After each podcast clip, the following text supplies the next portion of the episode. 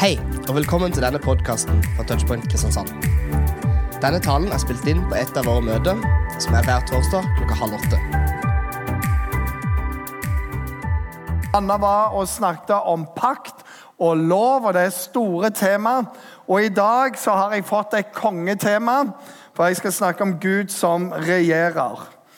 Og det er litt sånn eh, Gjennom hele Bibelen så leser vi at Gud regjerer. Og så kommer dette begrepet konge inn.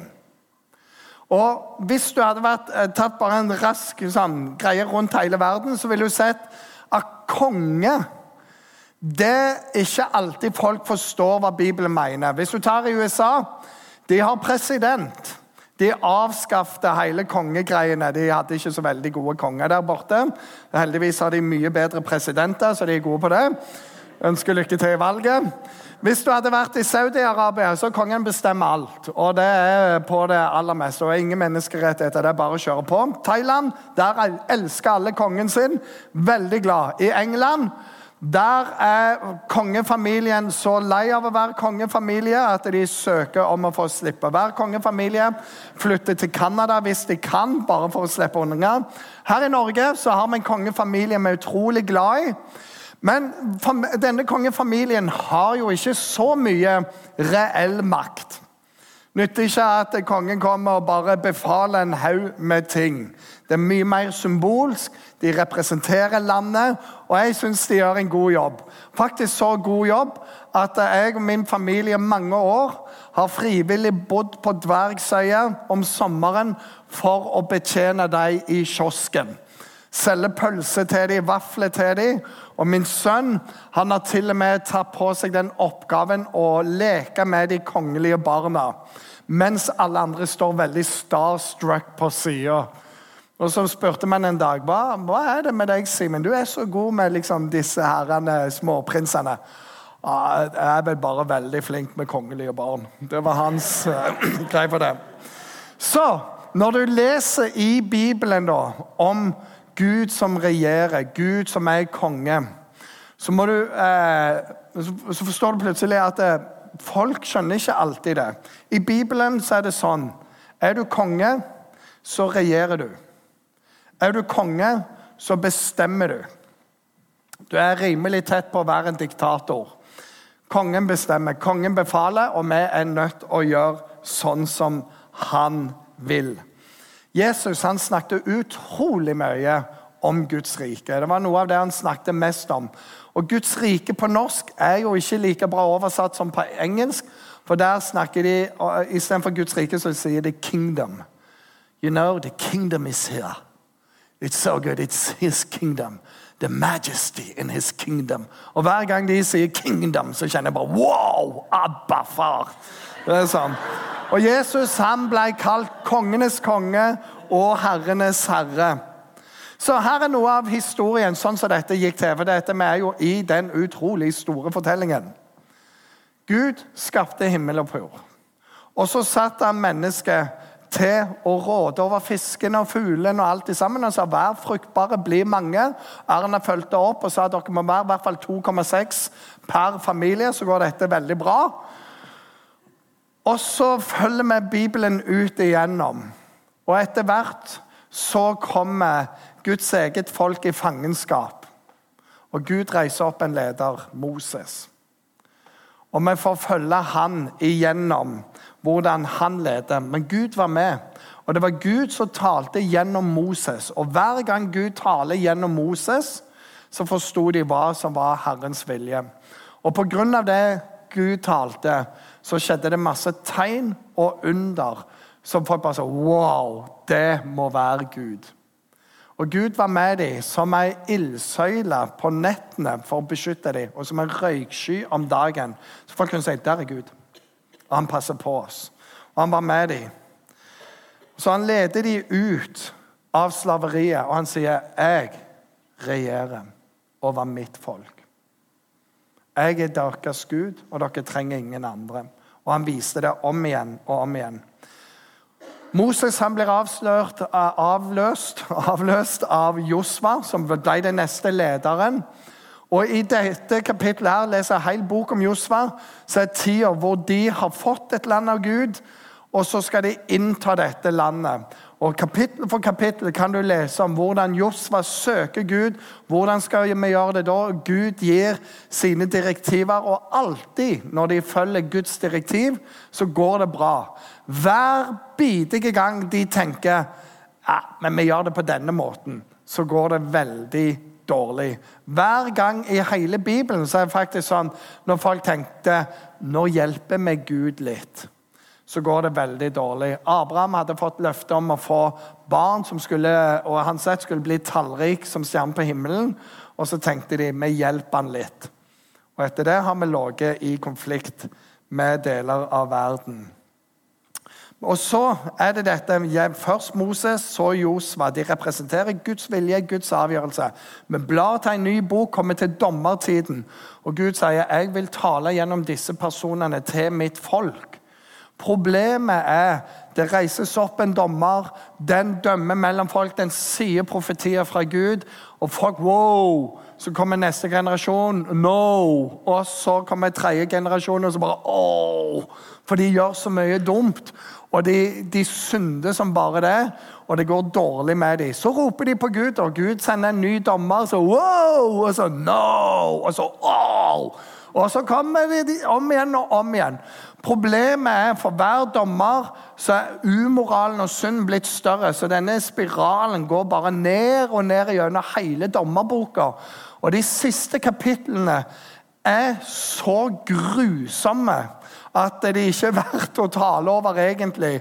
For folk blir voldtatt til de dør. De sager folk opp i tolv deler og sender rundt omkring. Og så kommer de og dreper en hel Det er helt forferdelig. Spiralen går bare ned og ned og ned. Og hele dommerboka slutter med disse to setningene. I, dag, I de dager var det ingen konge i Israel. Hver mann gjorde det han fant for godt. De mangla noe. Så kommer sammensbøkene etterpå der, og Gud sender profeter. Og han prøvd Moses, som var en fører, Josfa, som var en hærfører. Så har vi prøvd dommere som skulle skifte rett. La oss prøve profeter og se om de da vil følge. Profeter de var kjent for virkelig å høre fra Gud og si ut, og det forandrer alt. Vi finner profeter som vekte eh, døde til live igjen, som gjorde under med mat, som gjorde under på så mange måter at det var sånn Wow! Ild fra himmelen bare fortærer alt. Wow! Og så er det den samme igjen. Wow! No! Oh! Og der holder de på. Om igjen, om igjen. Til slutt så sier israelsfolket, gi oss en konge sånn som de andre. Og Det har vært et ønske å være lik alle andre. Og Gud har alltid sagt mitt folk skal være et annerledes folk. Du må sove som de andre, du må spise som de andre, du må trene som de andre. Men du er annerledes. Du er et hellig folk. Og de sa bare Gi oss en konge. Vi vil ha en konge. Og Samuel var en stor profet. Han var profeten da. Og De sier til han, gi oss en konge. Og Han blir lei seg, for at han tjente jo Gud. Men Gud er kongen. Så, mm, vi vil ha en konge sånn som alle de andre. Og så sier Gud til Samuel ikke vær lei deg, for det er ikke deg de har forkasta, det er meg.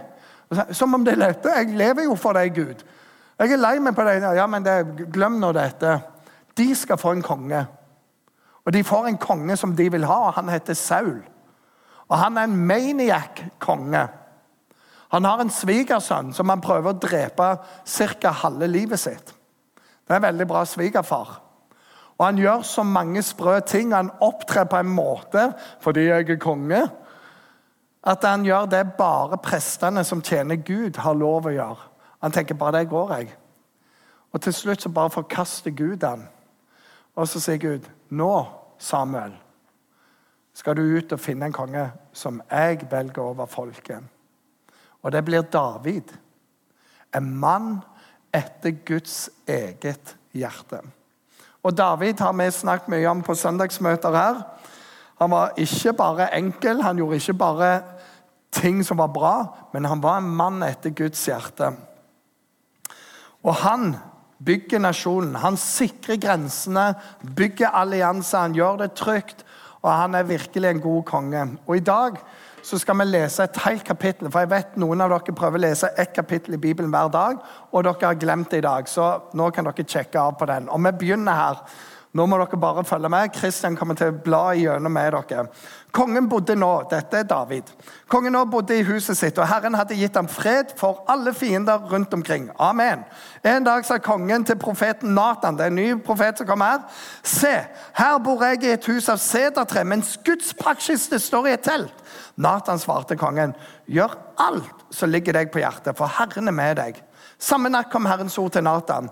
Gå bort til min tjener, gå og si til min tjener David. Så sier Herren, skulle du bygge et hus for meg å bo i? Jeg har da ikke bodd i noe hus helt fra den tid jeg førte israelittene opp fra Egypt og fram til denne dag. Jeg har vandret omkring med et telt som bolig. Jeg vandret omkring med israelittene og høvdingene over Israels stammer, som jeg satte til å vokte mitt folk Israel. Sa jeg noen gang til dem, 'Hvorfor har dere bygd et hus av søder? Hvorfor har dere ikke bygd et hus av sødertre for meg?' Nå skal du si til min tjener David, så sier Herren over herskarene. Det var jeg som henta deg fra beitemarken der du fulgte saueflokken, og satte deg til fyrste over mitt folk Israel. Jeg var med deg overalt hvor du gikk og utryddet alle dine fiender for deg. Jeg har gjort navnet ditt stort, som navnet til de største på jorden. Jeg vil gjøre i stand et bosted for mitt folk, Israel, og plante det der. De skal bo der og aldri bli uroa mer. Ugjerningsmenn skal ikke lenger plage de som i gamle dager, som det var på den tiden da jeg satte dommere over mitt folk i Israel og ga dem fred fra alle fiendene sine. Nå kunngjør Herren at han vil bygge et hus for deg. Når dine dager er til ende, og du hviler hos dine fedre, vil jeg reise opp din etterkommer, en av ditt eget kjøtt og blod, til å etterfølge deg. Jeg vil grunnfeste kongedømmet hans.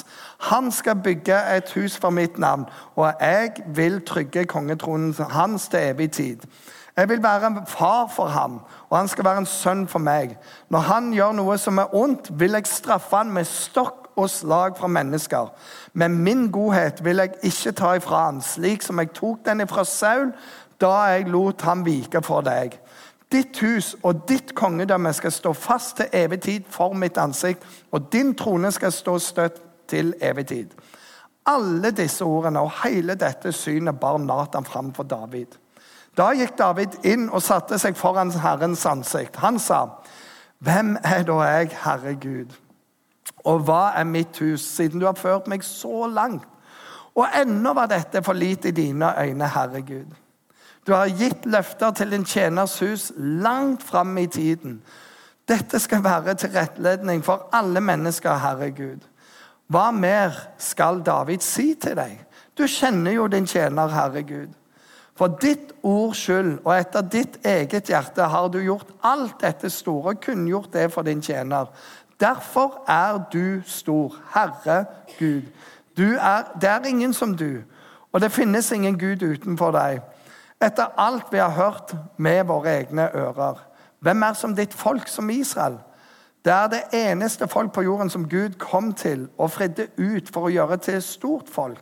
Han skapte seg et navn for, og utførte store, skremmende gjerninger for dere og for ditt land. Du fridde ut de folk fra Egypt og fra andre folk og deres guder. Du har bestemt at ditt folk Israel skal være ditt folk til evig tid, og du, Herre, er blitt deres Gud. La nå, Herre Gud, det ordet som du har talt til din tjener og hans hus, stå fast til evig tid, og gjør som du har sagt. Da skal ditt navn være stort til evig tid, så folk kommer til å si, Herren over herskerne er Gud over Israel. Og din tjener Davids hus skal stå urokket for ditt ansikt. For du, herskarenes herre, Israels Gud, har åpenbart dette for din tjener. Jeg vil bygge et hus for deg. Derfor har jeg våget å bære denne bønnen framfor deg. Og nå, Herre Gud, du er Gud, og dine ord er sanne. Du har gitt din tjener dette store løftet. Måtte du fra nå av velsigne din tjeners hus, og det alltid må stå urokket for ditt ansikt. For du, Herre Gud, har talt, og med din velsignelse vil din tjeners hus være velsignet til evig tid. Amen. Det var et helt kapittel. Check av. ok? Så Utgangspunktet her er at David han har kommet til makten, han har fått fred for sine fiender, og så tenker han nå vil jeg gjøre en tjeneste for Gud. Jeg vil please Gud. Jeg vil gjøre ham fornøyd. Og så sier Gud det er ikke sånn. Og Gud vil det ikke. Og hvorfor er det sånn? Vi finner dette i vers 5 og, 7 litt eh, nedi her. Men det er noe med gjennom hele Bibelen så skjer det noe når Gud tar initiativ. Gud liker å ha initiativet. Han plukket ut Abraham. Sa 'følg du meg, så skal jeg gjøre deg til et stort folk'. Han plukker ut Moses, og så sier han 'Moses, jeg vil eh, utfri mitt folk'. Og så sier Moses 'jeg er så dårlig til å snakke for meg'. Så jeg sier men jeg skal bruke deg for det om. Gud velger ut David. Og så sier David 'nå vil jeg bygge hus for deg'. Så jeg, det skal du ikke, men jeg skal bygge et hus for deg. Gud liker å ha regien, og Gud vil ikke dele sin ære med noen som helst. Gå tilbake til vers 5 og 7, så sier han, gå og si til min tjener David, så sier Herren, skulle du bygge et hus for meg å bo i? Jeg har vandret omkring med israelittene og høvdingen over Israels stamme, som jeg satte til vokte mitt folk i Israel. Sa jeg noen gang til noen av dem, hvorfor har dere ikke bygd et hus av sedertre for meg? Gud vil og så leser vi videre at det er sønnen Salomo som kommer til å gjøre det. Gud vil bygge et hus. Han gjør det i neste generasjon. David får ikke lov. Og så er det noe bak her òg. For at de andre nasjonene hadde jo tempel til sine guder. Og David hadde òg en intensjon. Hvis jeg bygger et finere tempel til min gud enn deres, så vil jo alle se at Gud er den største guden. Og Gud sier jeg vil ikke være med på det der spillet. Jeg er ikke en Gud som plasseres inni et tempel. Jeg er en Gud som regjerer. Jeg er kongen. Dette er ikke Guds måte. Og det han vil ha, det er ikke all slags sånne minnesmerker, men han vil ha en takknemlighet fra våre hjerter for hva han har gjort, og ikke hva vi skal gjøre for han. Og Gud minner David om Hei, det var jeg som gjorde deg til konge. Du var en gjetergutt. Jeg plukka deg ut. Det er noe av det som er fantastisk med Gud. Han ser til hjertet alltid. Han ser noe dypere og sier 'Den vil jeg bruke'. Og så sier han noe mer. Og David det Konge kommer, konge går, konge glemmes. Men du vil bli huska resten av verdenshistorien. Og de vil tale om deg om 3000 år fra nå av. De kommer til å glemme alle de andre, men deg vil de tale om. For jeg har valgt deg ut. Og så sier han det. Nå kunngjør Herren at han vil bygge et hus for deg. Det er motsatt dette her. Du har det helt, helt, helt feil. Og så står det når dine dager er til ende, og du hviler hos dine fedre, vil jeg reise opp din etterkommer. Sånn står det videre ned igjennom. Jeg vil ikke ta godheten ifra ham. Hva er dette? Saul, som var før, om du kan kalle det et dynasti. Det varte jo ikke en generasjon engang. Det varte noen få år, og så var det over. Men det han sier til David, er at jeg vil bygge en trone for deg som varer generasjon etter generasjon etter generasjon etter generasjon til evig tid. Det er det jeg vil gjøre, for det var jeg som valgte deg. Og det er annerledes. Og Guds løfte er selv om de som kommer etter deg, kommer til å gjøre feil så er mitt løfte der. Jeg kommer til å stå for deg. Gud er trofast. Og Så ser du inni teksten her at han sier jeg skal være far for han, og han skal være en sønn for meg. Og Hva betyr det? Igjen så må vi tilbake. Hva betydde det? Hos oss så er det DNA-profil. Det genetiske opphav. Who is the father? Jeg husker jeg var i USA en gang. og Så var det et svært skilt på motorveien. Who's the father? Call this for DNA test. Og jeg tenkte, Det er meg virkelig på avvei, altså, hvis du kan lage big, big business av det. Men genetikken sier noe om hvem var det som produserte meg, da? Finne mor og far. Vi leter etter dette hvis vi ikke har det på plass. Tore på sporet viser noe av det. Når du finner røttene dine, så skjer det noe med deg. Ting bare faller på plass, eller det brister i oss. I Bibelen så var det viktig, men det var to andre ting òg som var veldig viktig. Det ene var karakteren i deg. Og det tredje var arbeid. Det var sånn, Hvis en far var baker, gjett hva sønnen ble. Han ble en baker. Gjett hva hans sønn ble. Han ble en baker. Og det er skomaker bli ved din lest. Det gikk fra generasjon til generasjon til generasjon til generasjon.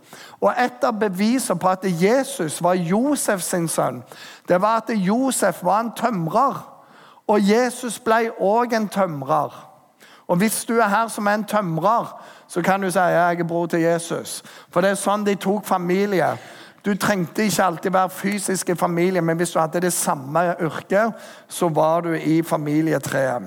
Yrket viste noe av dette. Karakteren til personen det var det tredje. Det var sånn du oppfører deg. Eh, disse lærde på Jesus' tid de kommer til Jesus og sier til Hvem er det du sier at vi er Jesus? Vi er Abrahams barn, sier de. Så sier Jesus hvis dere var Abrahams barn, så hadde dere ikke vært sånn. For karakteren deres og Abraham var så forskjellig. Så sier Jesus noe rimelig rått. Det er mange som Å, Jesus han var så snill. Vet du hva han sier? Han sier dere har ikke Abraham til far. For dere lyver hele tida, dere fordreier retten, dere gjør livet vanskelig og sur på folk. Djevelen har dere til far. Dette er Jesus som sier. Dere ligner på djevelen. Han er deres far. Wow!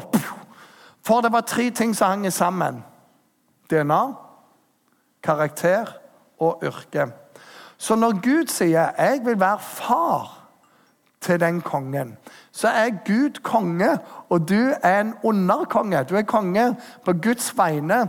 Og du skal ligne i ditt kongedømme på Gud, sånn at når de ser hvordan du regjerer, så vil folk se sånn regjerer Gud. Jeg finner Gud gjennom den personen. Det er derfor òg folk i dag reagerer så utrolig på kristne med lav moral og lav etikk. Og noen sier jeg klarte ikke å tro, for det er så mange dårlige kristne. Hvorfor er det? Fordi vi oppfører oss ikke som Guds barn. For Guds barn får mer og mer lik karakter som sin far. Henger du med? Det å være barn av Gud er mer enn genetikk. Det er noen ting til. Og her er dette. Så kongen, han skal være Guds sønn. Og Jesus sier òg dette med karakter og alt. Hvis du har sett meg, så har du sett min far. Har du hørt meg, så har du hørt min far. For vi er ett. Det er det samme, dette her. Og så er det jo interessant, for han sier dette dynastiet det skal vare til evig tid. Og det er to måter å få det til på. Kun to måter å få det til på.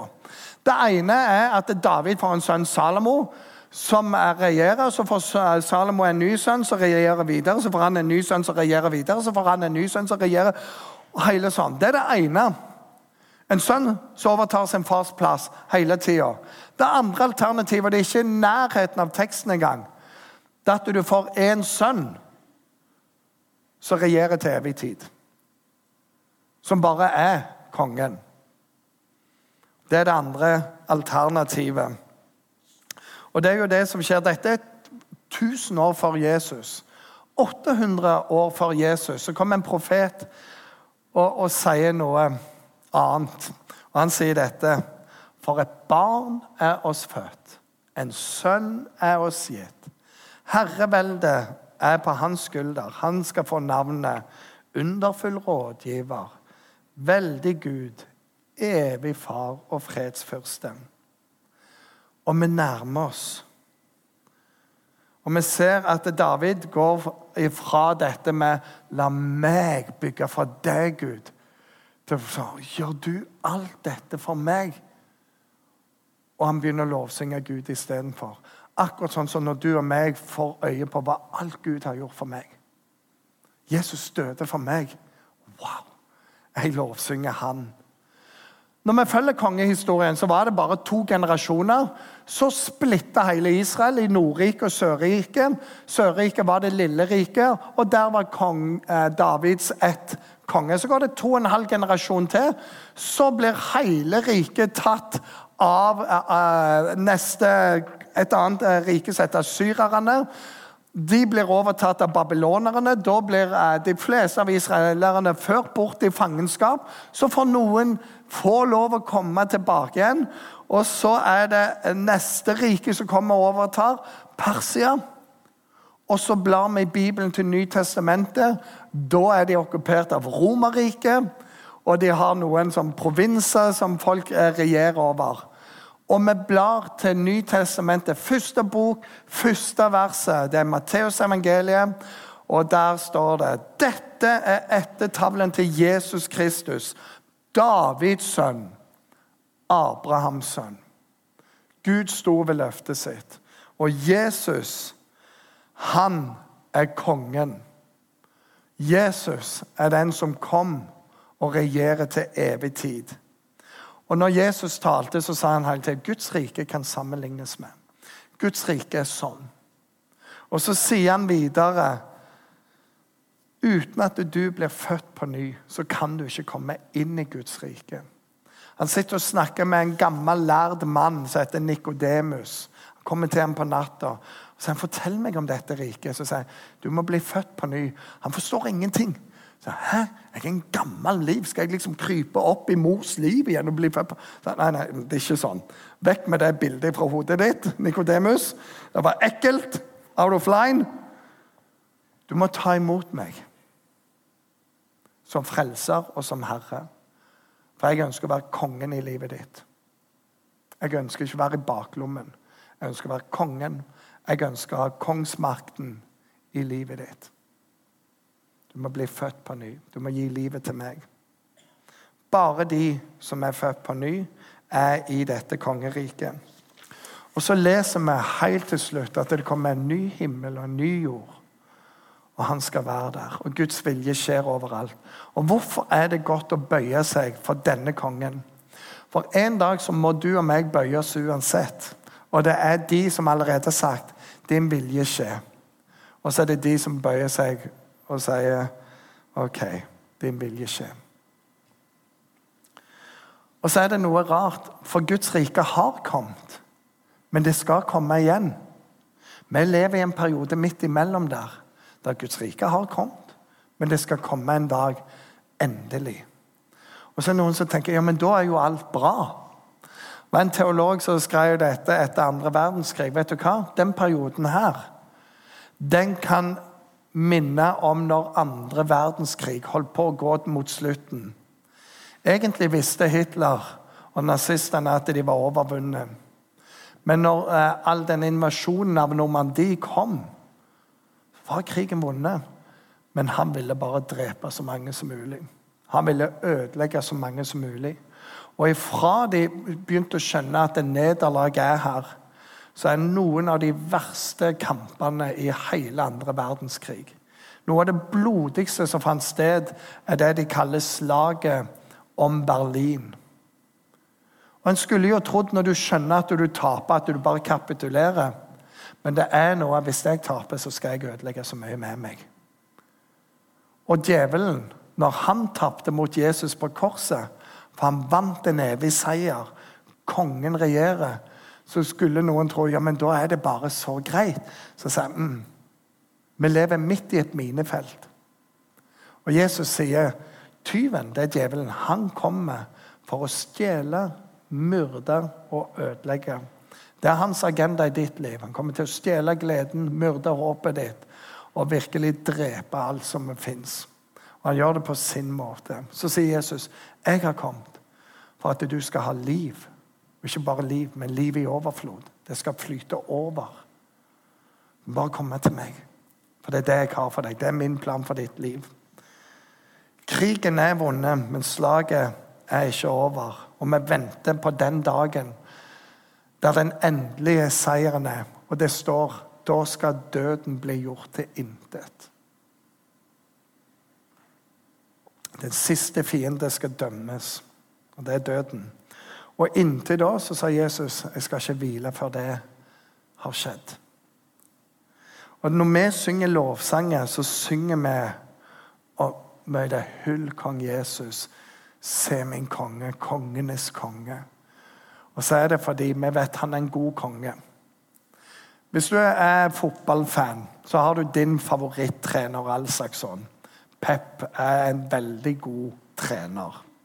Og hvis du var der, og Pep sa hei, jeg ser noe i deg, jeg har lyst til å satse på deg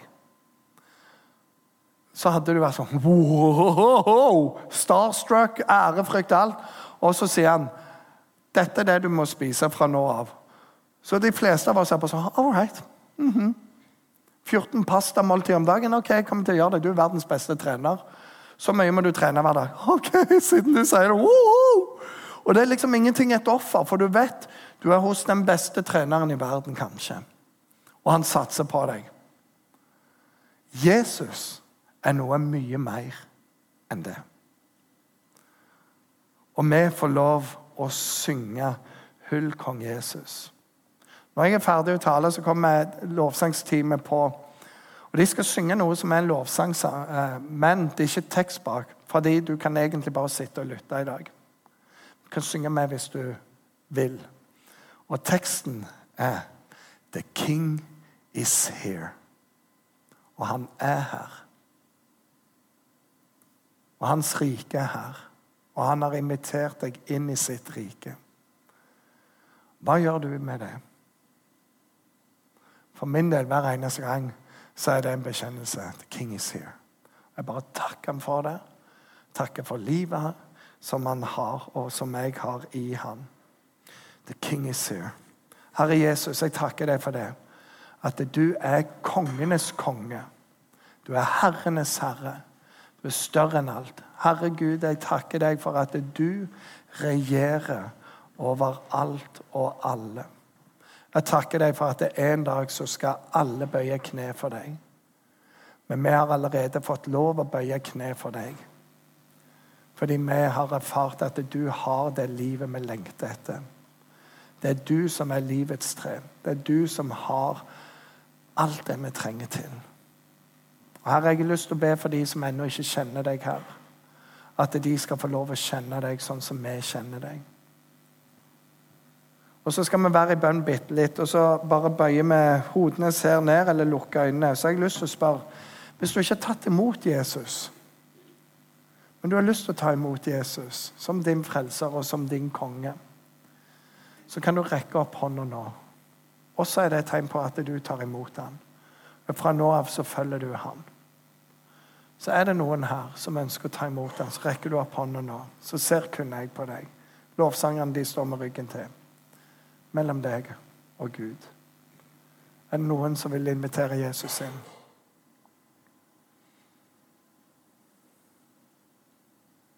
Rekk opp hånda nå? Herre Jesus, jeg takker deg for du er her. Amen.